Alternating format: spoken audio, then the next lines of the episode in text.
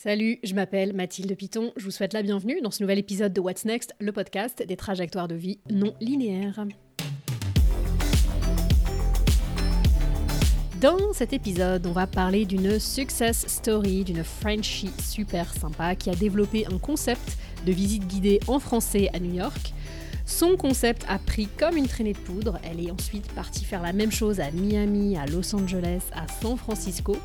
Alors si tout semble lui sourire, attendez le retournement de situation. Mars 2020, la pandémie qu'on a tous vécu avec euh, surprise. Mais dans les métiers du tourisme, euh, bah, comment on fait pour rebondir quand absolument tout s'arrête du jour au lendemain? Tout ça et bien plus encore, c'est l'histoire de mon invitée aujourd'hui, la pétillante Élise Goujon. Élise va me raconter son histoire professionnelle liée à sa vie aux États-Unis, son amour pour New York, son départ pour Los Angeles jusqu'à son retour depuis peu en France. Attachez vos ceintures, ça décoiffe car on ne s'ennuie pas une seconde avec Élise. Mais avant de l'écouter, permettez-moi de me présenter, je m'appelle Mathilde, je suis française, je vis aux États-Unis depuis un peu plus de 10 ans, à Boston. Dans la vie, j'ai été éditrice, j'ai été autrice de guides de voyage, de livres pratiques, j'ai été prof de yoga. J'ai monté une petite entreprise de visite guidée pour des voyageurs francophones comme Elise, sauf que nos trajectoires ont complètement euh, divergé. Si mon parcours professionnel semble couler de source, euh, ça fait toujours cette impression-là quand on, quand on raconte, mais vécu de l'intérieur, je dois plutôt vous dire que c'était tumultueux. D'ailleurs, depuis quelques mois, post-pandémie, post-premier bébé à la toute fin de ma trentaine, je m'interroge sérieusement sur ce que va être ma prochaine aventure professionnelle.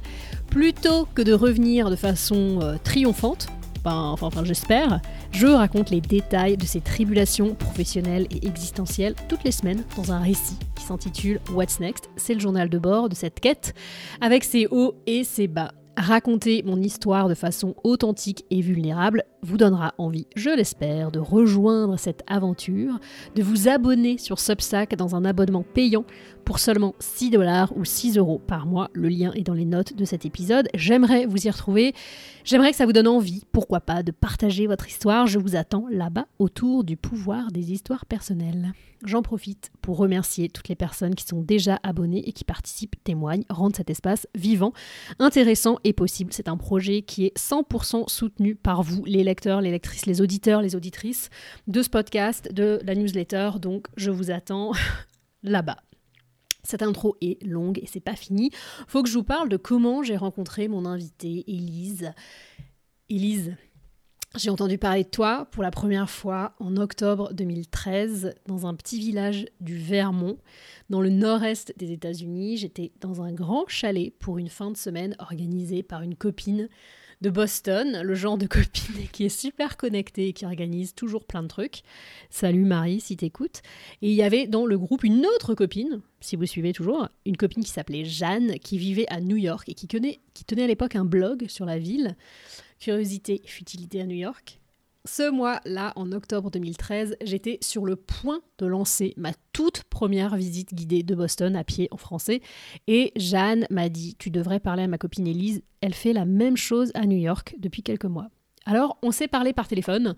Et Elise, tu m'as donné euh, des conseils pour me lancer. Tu m'as raconté aussi tes propres débuts. On s'est revus par la suite. J'ai suivi une de tes visites à Brooklyn. Tes parents sont venus faire une visite de Boston.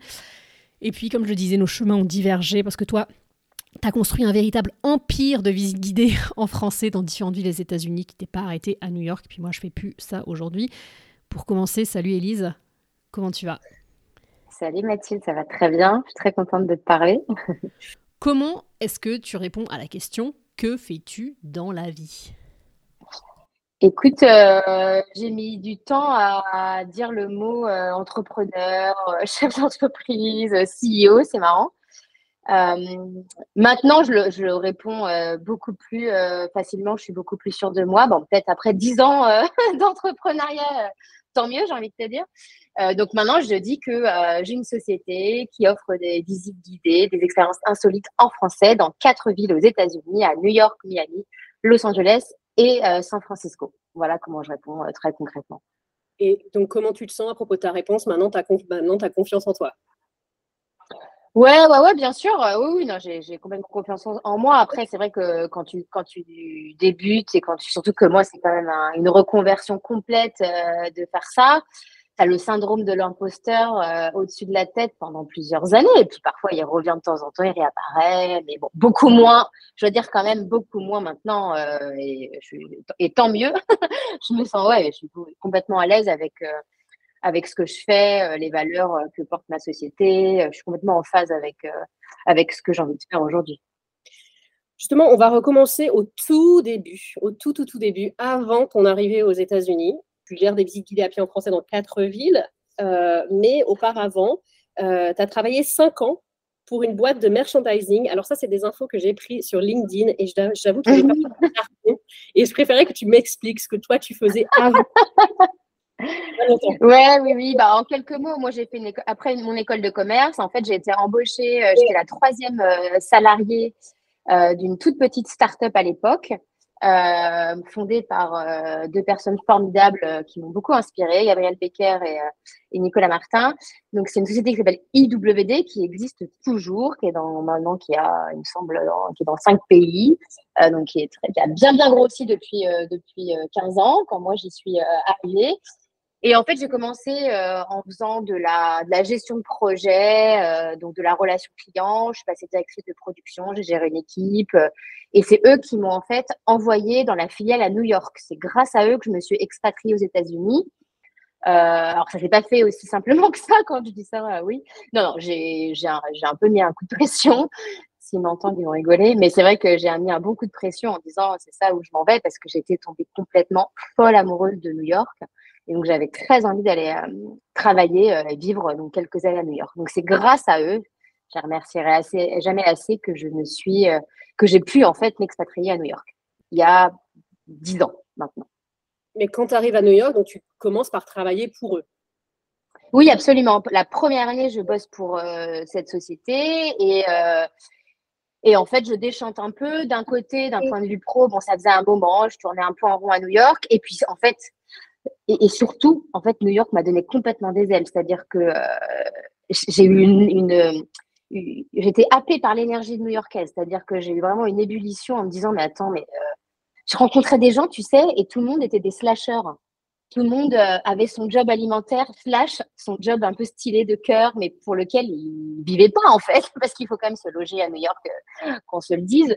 Euh, c'est plus le rêve américain avec 60 dollars en poche pour le mois, mais c'est vrai que et c'est vrai que ça m'a vachement inspiré. Je me suis dit, mais attends, mais en fait ils font des trucs de ouf et surtout ils vivent, ils croient en leur passion et ils le tentent quoi. Bon bah voilà, j'ai fait ok.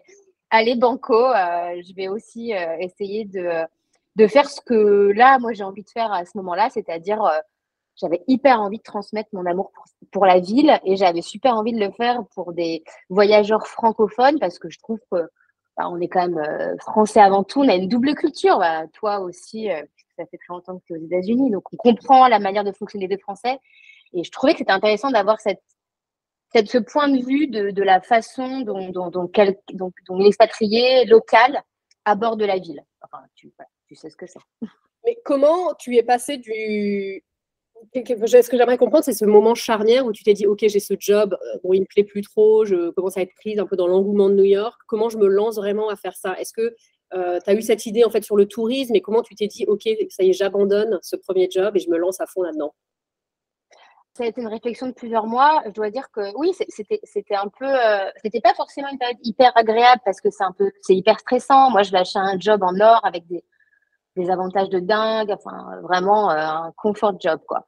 Et euh, bah, euh, à l'époque, mon mari qui était mon, petit ami, donc on s'est marié par la suite, mais m'a vachement poussé parce qu'il voyait que j'étais malheureuse au taf et, c'est vrai qu'il m'a beaucoup beaucoup soutenue en me disant mais fais ce que tu as envie de faire et en, en, parlant un peu autour de moi. En fait, j'ai beaucoup communiqué avec mon noyau dur familial, donc cercle restreint, hein, parents, frères, mecs, quelques amis, mais assez, assez proche finalement. Hein, J'en ai pas euh, parlé à mille personnes.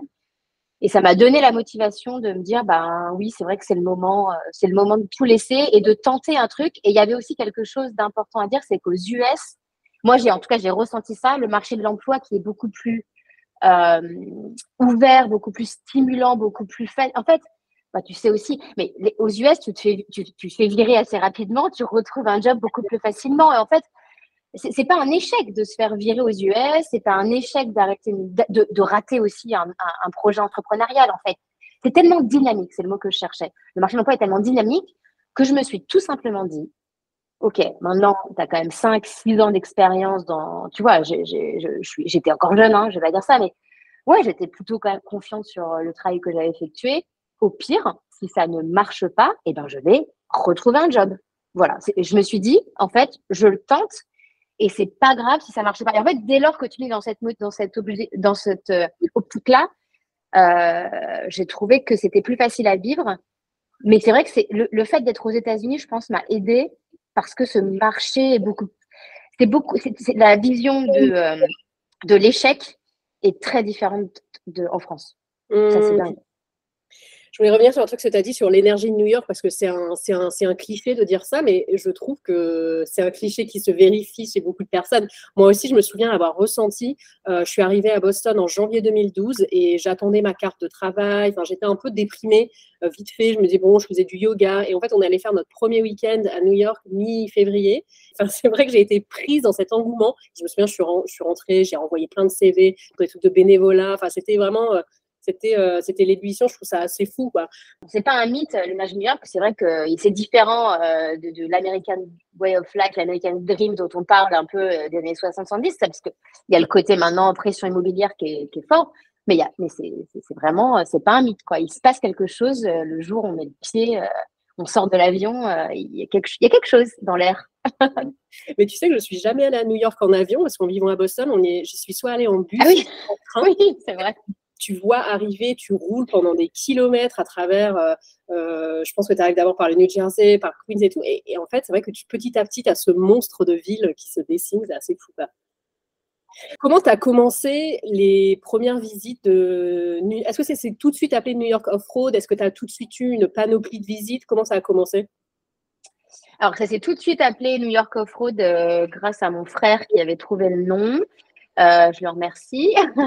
et, euh, et, oui, en fait, évidemment que ça a évolué, que j'ai enrichi mon offre en 10 ans et qu'on fait plein d'autres choses que la première année. Mais c'est vrai que le fil rouge, en fait, mon idée a toujours été de me dire de quoi, moi, de quelle visite j'aurais envie si je visitais New York. Qu'est-ce que j'aurais envie qu'on me montre où, où est-ce qu'il y a l'intérêt d'avoir quelqu'un qui te guide? Et en fait, ce fil rouge qui ne m'a pas quitté depuis dix ans, et ça fait dix ans que quand je réfléchis à un, concept, une ville, un quartier, une visite, je me dis la même chose. Est-ce que j'ai un intérêt Est-ce que, est-ce que un, moi ou un de mes guides, parce qu'évidemment maintenant c'est plus que moi, euh, tu vois, est-ce que j'ai un intérêt à, accompagner ces gens euh, ou pas? Parce que et si la réponse est non, aucun intérêt, bah non, je vais pas faire ça. Parce que j'ai pas envie de, de, blablater sur des quartiers si euh, c'est fait. voilà, prenons par exemple Times Square. bon, il y a autre chose que Times Square, mais j'ai toujours refusé de guider à Times Square. Alors qu'on m'a demandé des, dizaines de fois. J'ai dit mais non, vous n'avez pas besoin de moi. Vous allez dépenser votre argent ailleurs. Laissez-moi vous emmener autre part. Et sinon, bah tant pis. Quand est-ce que, as... Quand est-ce que tu t'es dit que ton idée elle était en train de marcher? C'est une très bonne question. Bah écoute, euh, très honnêtement, moi base, je m'étais dit si j'en fais un side project, je suis contente. Vraiment, hein, je m'étais dit. Euh, mais en fait, au bout de six mois, ça s'est un peu emballé. Quoi. Et quand j'ai commencé à recruter mon premier guide, là, je me suis dit ah, il y a peut-être quelque chose. Et, euh, et puis après, quand on m'a copié, je me suis dit, oh purée, bah là. Non, mais c'est vrai que c'est bon signe, quoi. Tu te dis, ah ouais, ouais, je tiens un truc, quoi. Les gens débarquent et moi, je suis la première. parfait. J'ai euh, l'autoroute devant moi. Euh, tout va bien et, c'est parti. Comment t'es passé Alors, tu as, commencé New York Off-Road en 2013 et euh, tu as ensuite, en 2017, démarré Miami. Qu'est-ce qui t'a fait, qu'est-ce qui t'a motivé pour commencer une autre ville? Oui, donc comme tu dis, donc il s'est passé quasiment quatre ans. Au bout de donc deux bout de trois ans, là, j'avais quand même, tu vois, une petite équipe de 10, je crois qu'on était trois, quatre, hein, on n'était pas encore euh, très nombreuses, mais et euh, et ouais, ouais, je commençais à me dire, bah, what's next? C'est vrai, je commençais à me dire. et puis moi, bon, c'est vrai que je suis quelqu'un de je ne veux pas dire que je m'ennuie facilement hein, parce que je trouve plein de, choses intéressantes toujours dans mon job, euh, daily job, mais c'est vrai que j'ai quand même besoin de, nouveaux projets assez régulièrement. Donc en fait, tout simplement en disant qu'est-ce que je fais maintenant?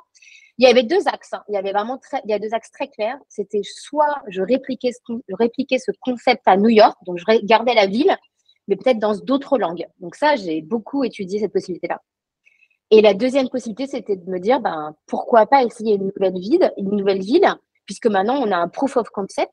Je sais, comment faire, je sais comment recruter, je sais comment créer, et euh, pourquoi pas essayer une nouvelle ville Et c'est plutôt vers cette, euh, cet angle que je me suis dirigée, que je ne regrette pas du tout évidemment aujourd'hui. Et la question de la ville s'est posée et Miami, pour plein de raisons, est assez, rapidement sortie du chapeau. Et, euh, et ensuite, j'ai eu la chance de rencontrer Héloïse, qui est toujours avec moi à ce jour et qui, avec qui on a co-créé et monté euh, voilà, tout, tout, toutes les visites et l'expérience à Miami. Ça a été facile de recruter à chaque fois, parce que moi je sais qu'on a à Boston, c'était tous les étés, presque tous les étés, je devais recruter de nouvelles personnes. Euh, puis la, la, saison à Boston, je pense qu'elle est un peu plus courte euh, qu'à New York. On travaillait surtout de avril à mi-novembre. C'était comment, toi, le recrutement? Euh, c'est un ongoing process, c'est-à-dire qu'on fait tout, on recrute tout le temps. En fait, on est tout le temps en train de recruter, donc on est tout le temps en train de former des gens. donc c'est un gros, c'est une grosse partie de notre boulot. Hein. C'est une grosse partie de notre boulot parce que la prestation, elle est sur le guide, quoi, sur la sur le service. Donc c'est pas un produit qu'on vend. Donc euh, c'est, ça a été. Je, dois dire qu'avant le Covid, ça allait. On n'avait pas trop. Euh, on avait beaucoup plus de. On avait un grand choix et voilà, et puis on choisissait euh, de manière voilà très spécifique. Je dois dire que l'année de reprise du Covid a été un peu challenge à ce niveau-là.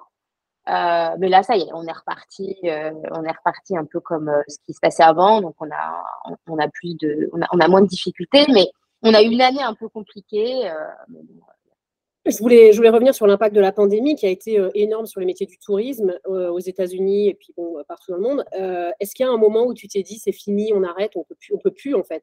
Ça, ça marche plus? Bah ouais, à peu près tous les deux jours pendant la pandémie. Non, mais ce serait mentir que de dire l'inverse, hein, bien sûr. Euh, bah, j'ai eu plusieurs phases à la pandémie. J'ai la phase euh, en colère, c'est-à-dire euh, vraiment le. Je me revois ce 13 mars 2020. J'étais à Miami, donc avec Héloïse, justement. on était en train de préparer la saison, mais moi, dans un déni, mais total. on faisait le meilleur démarrage ever. Donc en plus, enfin, c'était, je sais pas, moi, j'étais sur un petit nuage complètement sur mon truc J'étais là, oui, la pandémie. Évidemment qu'on entendrait parler, hein, comme tout le monde, depuis le mois de décembre, mais c'est vrai que dans un déni. Et là, le 13 mars, euh, bah, boum, quoi, ça tombe. Euh, et là, euh, et d'abord, pareil, j'ai encore eu deux semaines de déni, je pense, jusqu'à fin mars, hein, dans le déni. Non, mais il a annoncé que un mois, mi-avril, c'est bon, on va pas arrêter la saison, parce qu'en général, même si, bah, contrairement à toi, j'ai une saison un peu plus large, mais c'est vrai que notre grosse, grosse quand même saison sur les trois, sur trois des quatre villes, euh, c'est tout de même avril, euh, fin octobre aussi. Donc c'est vrai que tu n'as pas envie de rater euh, cette période-là. C'est moins gênant si c'est janvier, février, mars. Quoi. Le 13 mars, c'était, c'est quand le président a annoncé la fermeture des frontières. Oui, pardon. C'est que pour moi, ça me semble tellement évident. J'ai les dates tellement en tête. 13 mars 2020, 8 novembre, 8 novembre 2021. Je peux vous dire, je les ai gravés. C'est horrible. Comme la naissance de mes enfants et mon mariage. Non, mais c'est un peu ça, tu vois. Non, non, mais oui, oui. Et euh, après la phase de colère, euh, ça a été hyper dur. Euh, ouais, moi, j'ai sombré, quoi. J'ai sombré. Et puis, et puis voilà, comme dans tous les jobs dans le tourisme, c'est l'attente, c'est de ne pas savoir comment tu vas payer tes employés parce que ben, nous, on n'avait pas de chômage partiel. Donc, tu es là en train d'essayer de réduire tout le monde au minimum. Tu touches une micro-aide par-ci, une micro-aide par-là. Et en août, et en août 2020, je mets tout en pause. Je décide de tout mettre en pause parce que ça sert à rien. Parce que si je veux revivre à un moment, je mets tout en pause. Et après, euh, je, me mets à bosser pour un pote, pour moi gagner de l'argent, parce qu'il faut aussi que je vive. Hein. Euh, et ça me fait du bien aussi, parce que j'ai besoin d'autre chose. J'en peux plus gérer les annulations des reports. Euh, j'en peux plus de gérer ça, quoi, comme ce que tu avais fait toi, aussi évidemment. Et donc, gros déni. et puis finalement, bon, j'ai eu mon deuxième enfant et l'un dans l'autre, j'ai eu vachement de temps pour m'en occuper par rapport au premier. Donc maintenant, je le vis la deuxième partie du Covid a été plus joyeuse et puis finalement, j'ai pris le temps, ce que j'avais pas pris depuis 15 ans. Et ça a du bon, hein, comme il y a plein de gens qui disent ça. Et, euh, et puis après, ben oui, oui, après c'était génial. L'annonce de la réouverture fin septembre pour début novembre, euh, c'était euh, ouais, c'était super. Mais à cette époque, donc, tu ne vis plus à New York, tu vis à Los Angeles, parce que après avoir lancé donc New York, euh, Miami, tu as lancé Los Angeles, mais en vivant sur place, comme pour New York. Oui. Est-ce que je peux te poser la même question que pour Miami? Pourquoi tu t'es dit, OK, Los Angeles, et pourquoi tu es parti là-bas même? Bah, de la même façon pour Miami, bon, j'avais besoin d'un nouveau challenge. Et là, pour le coup, New York, euh, et, et, Dieu sait que j'ai adoré, c'est quasiment sept ans à New York, hein, à vadrouiller. J'ai l'impression d'avoir quand même fait la ville en long à large à travers, parce que je guidais non-stop dans tous les quartiers, c'était génial. Mais je pense que l'arrivée de mon premier enfant euh, et sept ans d'entrepreneuriat un peu non-stop, ça m'a un peu épuisée et j'ai un peu saturé un moment. J'ai ressenti le besoin de m'éloigner de cette ville pour mieux y revenir. Et donc, euh, on a réfléchi avec mon mari euh, et, c'est vrai qu'ensuite, on s'est dit, bah ouais, Los Angeles, pourquoi pas? Et en fait, là, moi, je l'ai vu aussi d'un point de vue, euh, évidemment, ouverture de ville. Je suis tout de suite dit, mais est, on adore. Les Français détestent. Allons-y. Parce que je vais leur faire changer leur vision de la. C'était mon petit challenge, mon, mon petit challenge de 2019. Donc voilà, en gros, pourquoi on a déménagé en 2019 à Los Angeles. Je voulais te demander, tu as, juste mentionné le fait que tu avais des valeurs dans off-road et je, voulais te demander quelles, quelles, quelles, étaient. Parce que je pense à cette question pour toi, car euh, ça peut sembler un peu cucu, mais je t'ai toujours trouvée généreuse, en tout cas avec moi, et euh, gentille, mais dans le sens où euh, prête à aider et toujours prête à. on était toujours un, un, appel de distance et puis voilà, j'ai un, un souci, qu'est-ce que je peux faire et tout ça. Quelles sont, euh, ça c'est peut-être plus tes valeurs juste à toi, Élise, mais quelles sont les, valeurs professionnelles que tu transmets dans, Offroad bah écoute, les valeurs que j'essaie de transmettre à toute mon équipe euh, ben, tous les jours, hein, quotidiennement, c'est, euh, je dirais que c'est l'honnêteté, l'authenticité, tu vois. C'est-à-dire que oui, c'est devenu un business, et on peut pas, il faut bien qu'on, voilà, qu'on se rémunère, il faut qu'on puisse faire vivre les guides, il faut que, voilà, que ça fonctionne. Mais peut-être à ma, peut-être que c'est aussi mon point faible, j'en sais rien. Mais en tout cas, j'aime bien garder ce côté. Euh, ben, en fait, c'est quand même un métier de passion, quoi. Donc en fait, euh, si les gens autour de moi sont pas passionnés, ben, je sais pas, aller, faire, ça ailleurs, aller voir ailleurs. Moi, ça m'intéresse pas. Je peut-être un peu cucu aussi, mais c'est vrai que j'ai besoin de gens un peu euh, un minimum passionnés et c'est ce que j'essaie de transmettre parce que c'est vraiment mon idée de l'échange pendant les visites. Donc, s'il y a un moment où les guides sont fatigués, parce que, parce que moi aussi, parfois, le matin, j'ai pas envie d'aller faire une visite à l'autre bout de la ville parce que j'ai mal dormi et que je suis fatiguée, que je suis malade. Mais il y a un moment où si, si ça te rebooste pas de voir, de, rencontrer des gens et d'avoir cet échange et de, de, de, de voir que c'est le. Tu es en train de leur faire passer le meilleur moment de leurs vacances, clairement, parce qu'ils nous le disent, hein, pour la plupart. Ben dans ce cas-là, euh, non, c'est pas la peine. Euh, il, faut, il faut passer son chemin parce que c'est vraiment des valeurs que j'essaye de, de transmettre. quoi. C'est vrai que moi, je me dis, je disais toujours au guide, il faut faire la même visite le 1er juillet que le 31 août. Quoi. Et ça doit être le matin comme l'après-midi. Et c'est vrai que c'est dur de garder l'énergie. Euh, cette représentation de voilà d'énergie et puis quand toi tu dis d'authenticité et d'honnêteté. J'ai encore une question sur les, villes parce qu'en fait tu as, fait une quatrième ville, tu t'es lancée à San Francisco. Oui. en fait j'ai longtemps dit que je le ferais jamais. C'est ça qui est marrant, tu sais, faut jamais dire jamais. Euh, j'ai longtemps dit que San Francisco m'intéressait moins, etc. Euh, et, euh, et, en fait, donc ça, ça revient au fait que donc je suis rentrée en France aujourd'hui. Là, j'habite en France depuis janvier 2023. Donc à l'heure on se parle, ça fait même pas cinq mois que je suis rentrée, donc c'est tout neuf. Mais globalement, avec cette deadline de départ des États-Unis en décembre 2022, j'ai donc, je me suis restaffée encore plus. J'ai recruté Charlotte, euh, qui arrivait en septembre 2022 pour qu'elle soit quatre mois avec moi à Los Angeles pour que je la briefe, que je la forme sur, évidemment, reprendre un peu l'équipe en main euh, au niveau de LA. Et je dois dire qu'elle m'a bien motivée aussi, et, euh, parce qu'elle est folle amoureuse de San Francisco. Moi, je dois dire un peu moins, mais elle m'a, elle m'a poussée. Et puis d'avoir vu l'été dernier, d'avoir vu tous ces, tous ces gens qui nous demandaient, mais oh, on voudrait la même chose, on voudrait vous à San Francisco. Alors pas moi personnellement, hein, moi mon équipe hein, quand je dis vous on voudrait votre style de visite, on voudrait aussi ce que. Et c'est vrai qu'on disait, bah oui, c'est vrai qu'on n'y est pas pour l'instant. Euh. C'est vrai que c'était un peu frustrant. C'est vrai que c'était un peu frustrant et je me suis dit, ça n'a pas de. C'est un peu bête. Euh, et, comme je savais mon départ imminent, et, euh, et je me suis dit, allez, vas-y, c'est parti, on va ouvrir San Francisco avant, que je parte. Effectivement, c'était 15 jours avant. C'était une sorte de, de, rejet personnel sur San Francisco? Tu disais c'était trop, je sais pas qui? Non, c'est pas. Alors, Non, non, non, j'ai rien. Non, non, c'était plus que. Ouais, c'était une ville que qui m'avait moins happé, qui m'avait moins happé comme Miami ou comme LA, que, que qui est sublime, que j'avais tout de suite trouvé sublime. Mais c'est que j'arrivais moins à l'appréhender personnellement. J'ai passé moins de temps aussi. Hein. Et donc, j'avais besoin de quelqu'un qui, soit folle amoureux de cette ville, qui me transmette cet amour et, qui, et qu'on trouve quelqu'un de, de, de, voilà, qui ait la même fibre, qui a la même énergie que moi j'avais sur les trois autres villes à San Francisco. Et on l'a trouvé à la personne de. Enfin, il y a deux personnes, même Virginie et Marion. Et, euh, et du coup, ouais, du coup, ça roule parce qu'elles m'ont refait. En fait, Marion m'a refait, m'a fait aimer San Francisco. Donc, c'est assez marrant parce que j'ai l'impression d'avoir été client de mon propre, mon propre service. Mais ça marche tu parles de, faire une visite avec toi et en disant, bon, c'est pas vraiment avec toi parce que tu as, plein de, plein de guides, même si c'est ta patte. Euh, moi, j'ai l'impression, mais corrige-moi si je me trompe, que tu es assez discrète derrière ta marque. Oui, tu réponds là aujourd'hui à, mes, à ce podcast, tu as, participé à d'autres podcasts, tu signes ta newsletter Elise et sa team, il me semble, euh, mais on ne te voit pas sur tes comptes, on voit pas, on ne sait pas ta vie en fait. C'est une volonté de ta part, ça, de rester discrète?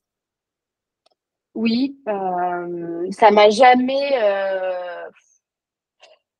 Ouais, j'ai pas envie et donc j'ai pas envie de me forcer et j'ai l'impression que je peux faire sans. Ça fait dix ans que je fais sans. Alors, comme tu dis, hein, je suis pas contre répondre, je suis pas contre parler. On a eu des, aussi des, euh, des reportages télé. Euh, ça fait dix ans qu'on a quelques reportages télé de temps en temps et, c'est pareil. C'est moi qui je préfère y aller quand je peux le faire. Donc euh, voilà, je suis contente de pouvoir aussi mettre en avant, mais tout ça au service de au service de mes ouais de mon idée de mon concept de mes visites et euh, et je sais pas je sais pas je sais pas je sais pas expliquer pourquoi mais c'est pas mon j'aime pas trop ça et j'ai pas très envie. Et puis et surtout quand je suis par, quand, quand, je suis partie de New York je me suis dit mais en fait euh, ça tombe bien que j'aime pas ça et que je le fasse pas parce qu'il faut pas que les gens me demandent moi quoi. Il faut que les gens demandent New York Off-Road. Il faut qu'ils demandent une marque de fabrique un branding.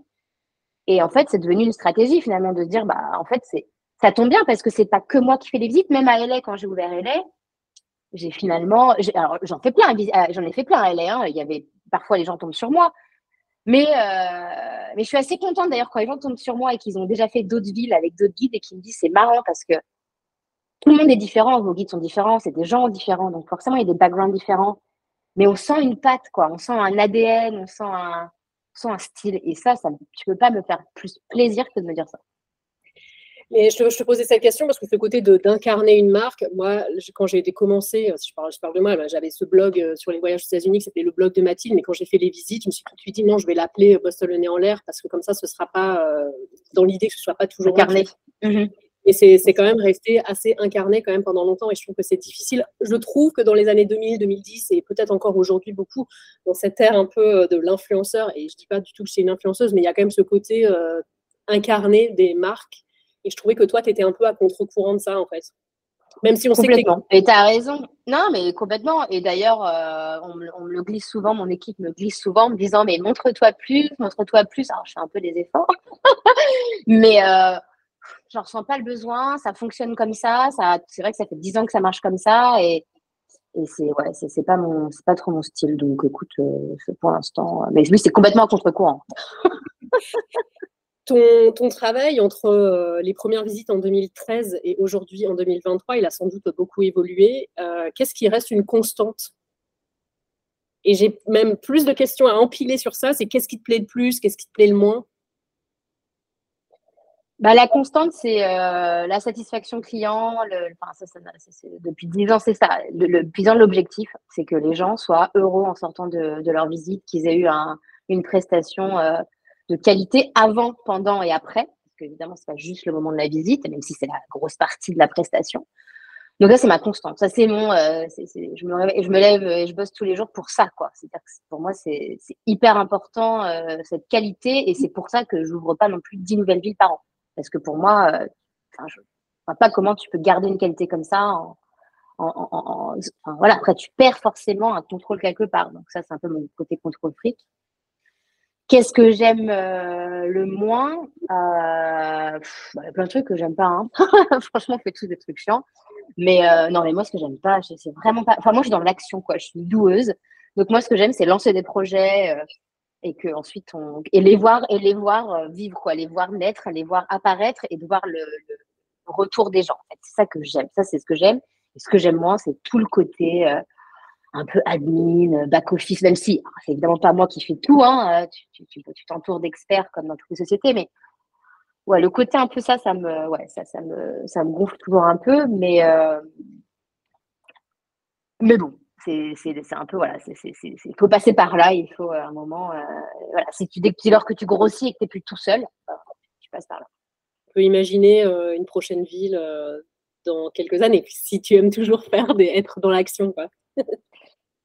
Ouais, ouais, ça, non, non, on va voir. Il y a une prochaine ville assez rapide qui va, parce que c'est une petite ville et c'est du coup un plus petit projet qui va sortir assez rapidement là. Ouais, ouais. Mais on, mais oui, voilà. Exclusivité, on peut pas en savoir plus. oui, non, mais il n'y a pas de, oui, oui, oui, il n'y a pas de, c'est pas un secret, ça va être plutôt côté Californie. Euh, donc, euh, en fait, on réfléchit à rajouter, voilà, à rajouter. c'est vrai qu'aujourd'hui, le, le, côté, le, fait d'avoir l'axe San Francisco-LA, c'est euh, en fait, c'est hyper intéressant. Et comme je disais, moi, tous les gens de Los Angeles qui me parlaient de, de, San Francisco, en fait, je me suis dit, mais attends, c'est trop bête. Neuf personnes sur dix que je voyais l'été bah, passaient avant ou après à San Francisco. Donc, c'est vrai que c'est un peu frustrant de, quand les gens ont aimé ta prestation, ont aimé ce que tu proposes, de ne pas leur proposer ça à San Francisco. Donc, on réfléchit à une autre ville euh, côté Californie. Tu l'as mentionné, vous êtes rentré en France euh, depuis cinq mois. Comment ça se passe le retour en France? Pourquoi vous êtes, pourquoi vous êtes rentré déjà? On est rentré pour des questions personnelles avec deux enfants en bas âge. On avait envie de se rapprocher de la famille et des amis. Ça faisait plus de dix ans aux États-Unis, donc on a pris cette décision en se disant voilà, c'est le moment, on rentre et puis euh, on verra si on revient un moment ou pas. Mais en tout cas, on n'a pas fermé la porte, mais clairement là, on se voyait plus en France. Donc c'est vraiment une question euh, perso puisque et mon mari et moi, finalement, on travaille encore avec les États-Unis. Donc euh, au niveau pro, on a finalement toujours un pied euh, de l'autre côté de l'Atlantique. Et comment ça se passe? Écoute, ça se passe mieux, mais ça s'est pas très bien passé. Très honnêtement, j'ai trouvé ça hyper dur. J'ai trouvé qu'on, je, je, trouve qu'on ne, pour moi, une impatriation, c'était un retour à la maison. Euh, non, c'est une autre expatriation que du coup, j'ai pas anticipé. Et, euh, et j'ai trouvé ça, j'ai trouvé ça un peu, j'ai trouvé ça plus dur que ce à quoi je m'attendais. Euh, mais bon, c'est, euh, je pense que j'étais un peu naïve et que je pensais. Euh, mes deux expatriations, enfin quoi, la première grosse expatriation, ben c'est bête, mais on était en couple, sans enfants. Là, le retour se fait avec deux enfants en bas âge. Ben, clairement, c'est moins flexible. c'est plus dur. Donc, je pense que ça joue aussi beaucoup, le fait d'être en famille maintenant. Euh, parce que c'est vrai que si tu es en couple, tu es plus flex, tu peux habiter, tu peux tu poses ton ordi n'importe où tu bosses. là, tu as toute la gestion des enfants à gérer et c'est bien normal. Enfin bref. Voilà, sans rentrer dans les détails, j'ai trouvé ça un, j'ai trouvé ça un peu plus dur que ce que j'avais imaginé. Euh, et je trouve qu'on n'en parle pas. C'est un tabou. Mais tu sais qu'il y y a des. Je ne sais pas si c'est juste des comptes Instagram, des podcasts. Ouais, moi, j'en ai entendu parler, ce phénomène d'impatriation. Et il y a un concept qui s'appelle le choc culturel inversé, qui est en fait sur le fait de quand tu retournes dans ton pays d'origine, quand tu es parti pendant longtemps, tu es surpris et tu es dérouté par des choses du quotidien ce que tu peux ressentir un petit peu quand tu rentres en vacances deux semaines en France et puis tu dis ah ouais c'est marrant il y a ci il y a ça mais que j'imagine quand tu as aussi affaire à l'administration aux inscriptions euh, à l'école à la crèche et tout tu dois encore plus l'avoir hein. Bah ouais, je pense que on est, ouais, je pense que c'est ça. Enfin, clairement, c'est. Euh... Et puis en fait, je sais pas. Alors peut-être que, enfin, je, m'attends. Comme c'est ton pays, quand même. Moi, j'ai quand même euh, bah, grandi. Euh, j'ai même, enfin, j'ai bossé avant même de m'expatrier. Donc tu vois, c'est pas comme si tu parti à, à 12 ans et que je revenais à 35 ans. J'avais l'impression de d'être toujours hyper, enfin, d'être toujours hyper connecté. Et puis en plus, j'accueille des voyageurs français. Ça fait 10 ans que je suis en relation avec des touristes français. Donc j'avais quand même, j'étais au courant de plein de trucs. Je me tenais tout le temps au courant de l'actualité parce que on en parlait évidemment pendant la visite. Hein, c'était une source de discussion. Donc je sais pas, j'étais, je pense, assez naïve en me disant, euh, ils vont m'accueillir avec un tapis rouge. non, non, c'est pas ça. Mais, c'est vrai que tu te prends un peu un petit choc. C'est ça, le choc culturel inversé. Tu, je, je vais aller euh, étudier ce petit phénomène qui, à mon avis, m'est bien arrivé. Pourquoi vous avez euh, choisi Marseille, si c'est pas trop personnel comme question? Non, non, non, mais euh, pour la raison qu'on voulait pas, on voulait une ville qu'on ne connaissait pas. Moi, j'avais adoré. Euh, en fait, j'avais, j'ai tellement adoré Los Angeles que je me suis dit qu'est-ce que j'aime à Los Angeles, qu'est-ce que je, qu'est-ce que, où est-ce que j'ai envie de vivre? donc on n'a pas le côté, en plus comme on bosse tous les deux de la maison, donc on n'a pas besoin de, vivre dans une ville, hein, enfin une ville spécifique. Donc on avait ce luxe de choisir. Et euh, moi, moi, je suis très ville, très urbaine. Donc j'avais envie d'une grande ville. Donc euh, voilà, et puis j'avais envie d'une grande ville, euh, idéalement près d'une mer ou d'un océan, et avec un outdoor proche. C'est ce que j'avais aimé à LS, c'était prendre ta voiture et au bout de 20 minutes, faire des hikes de folie. Et voilà, et puis du coup, ben, j'ai un peu brainstormé, euh, j'ai parlé à plein de gens et, je me et on s'est dit, bah, Marseille, pourquoi pas On ne connaissait pas. on est un peu taré. On ne connaissait pas. Mais nous, on est un peu C'est clair. Franchement, tu ne simplifies pas les choses. Que as Non seulement le choc que tu n'as pas anticipé, et puis euh, tu prends une ville nouvelle. Ouais. Mais après, bon, je dis oui, effectivement, c'est une ville nouvelle. Après, moi, j'avais quand même passé mon année 2022 à parler à plein de gens qui habitent à Marseille. Enfin, bon, je suis pas non plus arrivée, tu vois, avec euh, mes, mes, mes, mes, deux enfants et mes, mes trois valises, euh, tu vois, euh, n'importe où. Mais, mais oui, oui, clairement, c'est. En fait, il y avait aussi un truc, c'est qu'en fait, on rentrait en France, non pas parce qu'on n'aimait plus les US, mais parce qu'on avait envie de se rapprocher de nos familles. Et j'avais envie un peu d'une mini expatriation dans une ville que je connais pas pour retrouver un peu la flamme. Et par là, je me suis pas trompée. J'adore cette ville. J'ai l'impression de redécouvrir une ville, mais comme si c'était, évidemment, c'est très différent. Tu connais plein de choses, euh, bien sûr.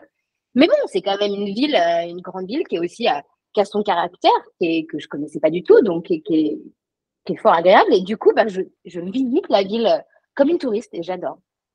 Ouais, puis en plus, la région, elle est hyper sympa si tu aimes bien euh, être dehors. Euh. Exactement. Bah, non, non, mais nous, c'est pas du tout trompé. On est très content d'être euh, de notre choix, même si on ne connaissait pas.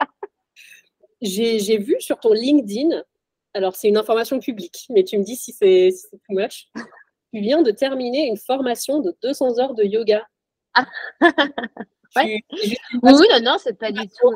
tout non, mais ça, c'était c'était dans mes petites mes, mes intentions de 2022. Donc, en fait, début 2022, on s'est rapidement dit, euh, OK, à la fin de l'année, on est parti. Donc, qu'est-ce qu'on fait euh, Qu'est-ce qu'il nous reste à faire? Donc, petite bucket list de voyage aux États-Unis, bucket list de, euh, bah, au niveau pro, donc d'ouvrir San Francisco, me staffer, enfin tout ce qu'il fallait faire pour que moi je puisse gérer l'agence de loin, clairement pas sur le même fuseau. Et là, je me suis dit, euh, OK, post-Covid, 2022, quand même, il faut se remettre dans l'ambiance. Moi, je rebosse que depuis quatre mois. Enfin, je rebosse. Je rebosse sur ma boîte que depuis quatre mois. Ça a été pas facile. La reprise est pas facile, même si elle se passe bien, c'est pas facile. Et je me dis, ah, je me fais mon kiff. Ça fait dix ans que je suis aux États-Unis, ça fait dix ans que je pratique le yoga. Donc, j'ai commencé à New York en 2013. Euh, et j'ai besoin de faire quelque chose pour moi. Euh, et là, je me dis, euh, j'ai pas envie de faire qu'une retraite, j'ai envie d'approfondir et je me fais mon gentil mari, parce que quand même il est gentil, il me garde mes deux enfants en bas âge, hein, c'est quand même pas grand les miens non plus. Et là, je me dis que d'un point de vue logistique, c'est plus simple que je le fasse en deux semaines plutôt que 15 week-ends d'affilée, parce que ça, hein, quand on a des enfants, on sait ce que c'est. Et donc, je pars fin juin euh, au Costa Rica pendant deux semaines euh, dans la jungle avec 11 autres personnes me faire 200 heures de yoga en 15 jours. c'était euh, c'était life changing, c'était incroyable. Hein, enfin, c'est dur à décrire, je peux en, parler pendant des heures. Donc, euh, mais juste en deux mots, c'était euh, bah, c'est des, des, cadeaux de vie en fait. Tu t'offres ça, tu es déconnecté. Bon, après, tu, moi, je partais dans un bon, un bon mood. Je savais que voilà, voilà ma famille allait bien, allait, allait très bien pendant deux semaines. Donc, je partais détendue.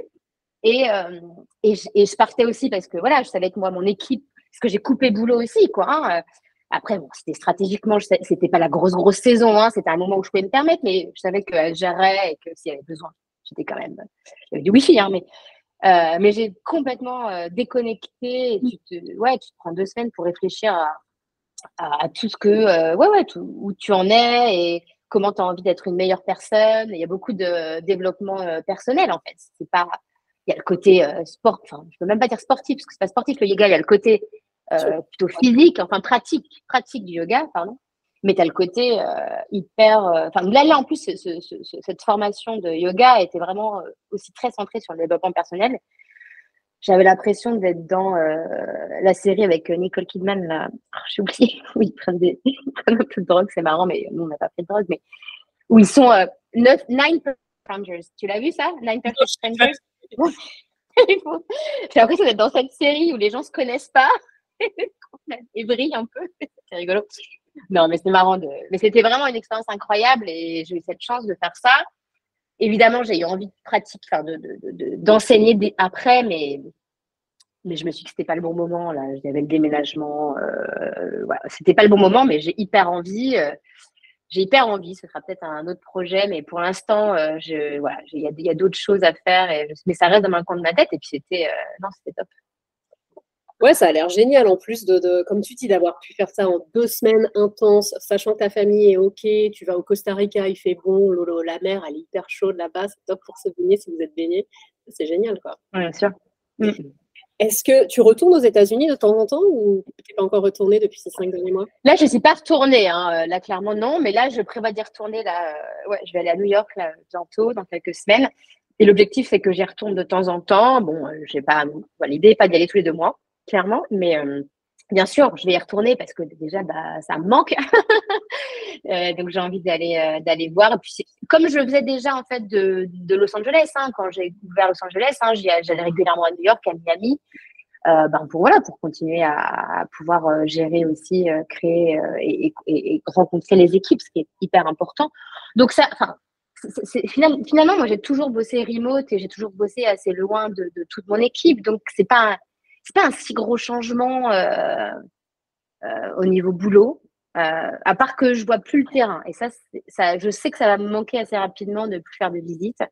Donc, il va falloir que je trouve quelque chose d'autre qui compense voilà, ce, ce, manque de contact, peut-être.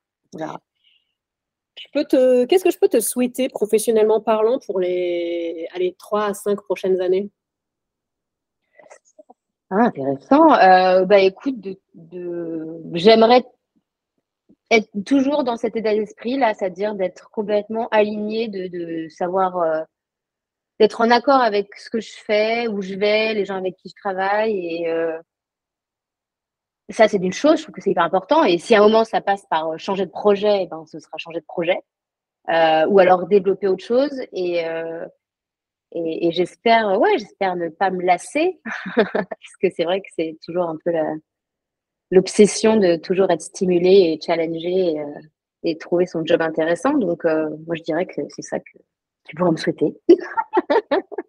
Dis-moi si je me trompe, mais j'ai l'impression que tu fais beaucoup de choses avec euh, de, l'intention, une intentionnalité. Quand, je te, quand, je, quand je te parle comme ça, j'ai l'impression, je me dis, ouais, Elise, elle sait ce qu'elle veut, non? Euh, oui, oui, non, je pense que tu ne te trompes pas. Je pense que je suis déterminée, je, sais ce que je veux. Après, euh, j'ai des moments de doute, euh, comme tout le monde. Euh, mais c'est vrai que. Euh, je, et puis, je, je, suis pas mal mon, mon, instinct. Ça m'a jamais fait faux bon. Ouais, mais tu ne crois pas que l'instinct, c'est un mélange d'expérience, de connaissances, c'est pas juste un truc qui tombe du ciel, quoi. Non, comment tu le définirais? Sais pas, tu sais, en anglais, ils disent euh, follow your guts. C'est dur de, traduire ça, mais euh, c'est un peu ça. C'est-à-dire que moi, je trouve que c'est un truc que tu. C'est une sensibilité. Je pense que tout le monde l'a, mais peut-être que tout le monde l'écoute pas, ou peut-être tu, tu, te voiles la face. Et parfois, je me suis un peu voilé la face parce que, bah, influencée par d'autres personnes ou par des, des choses extérieures, tu te. Première, enfin, finalement, j'aurais dû suivre parce que tu te dis, mais oui, non, je me suis plantée. Et, et j'étais un peu faible. Mais il faut être un peu sûr de soi, oui, c'est sûr. Euh.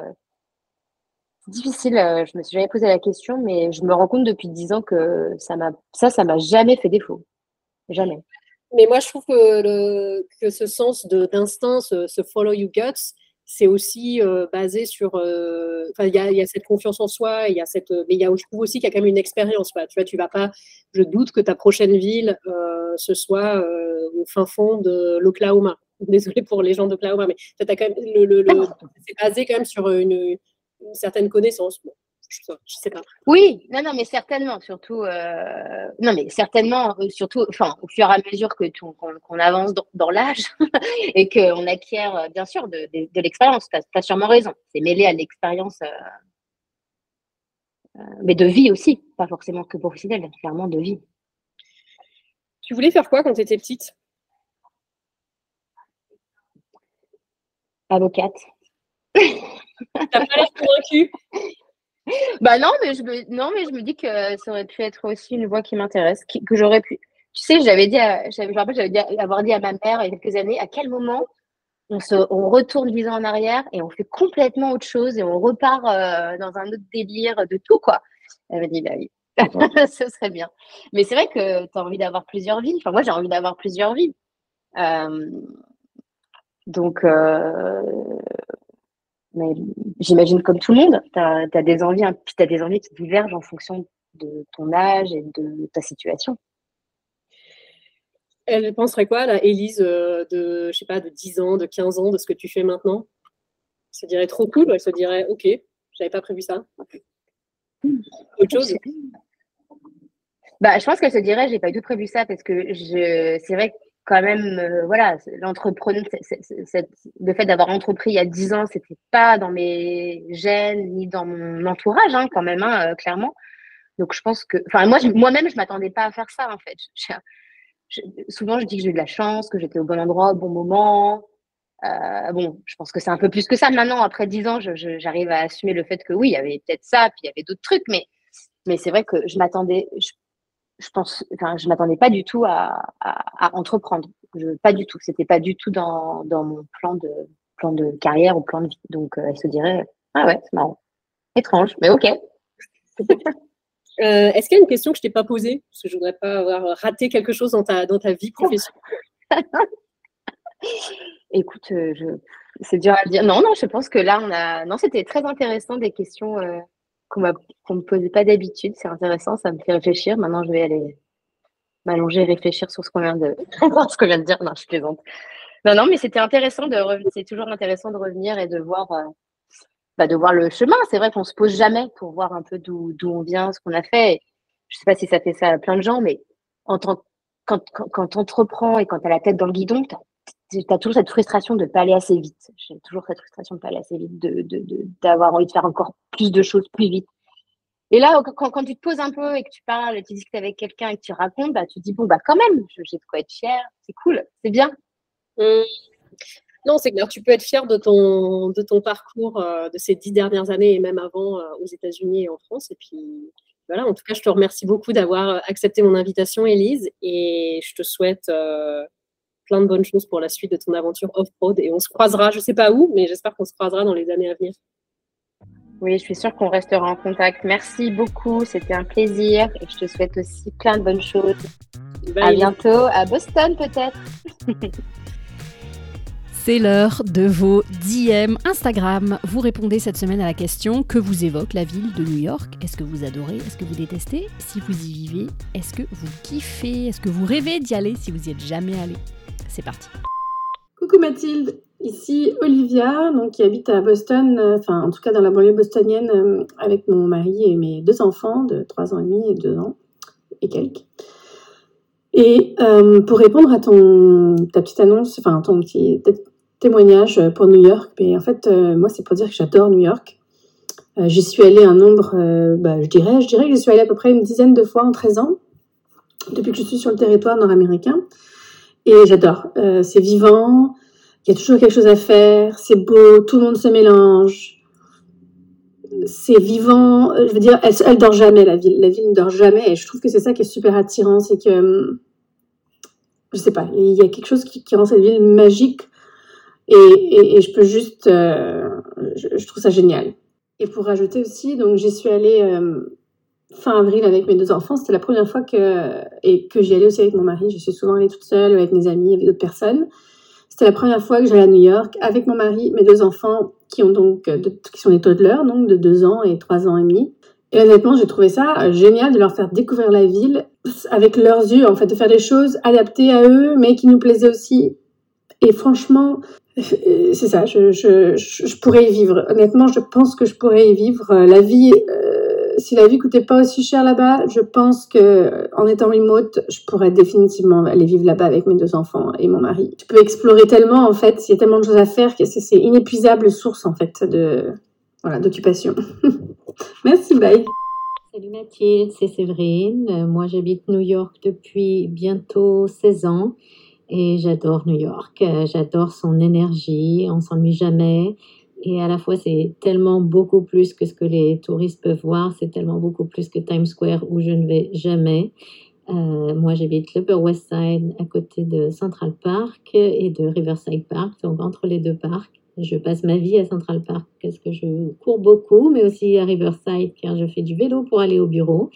Euh, et euh, j'adore cette ville. C'est surtout les gens plutôt que l'architecture. Je pense qu'il y a toujours plein de choses à découvrir. Et euh, voilà, je suis pas prête de déménager de New York.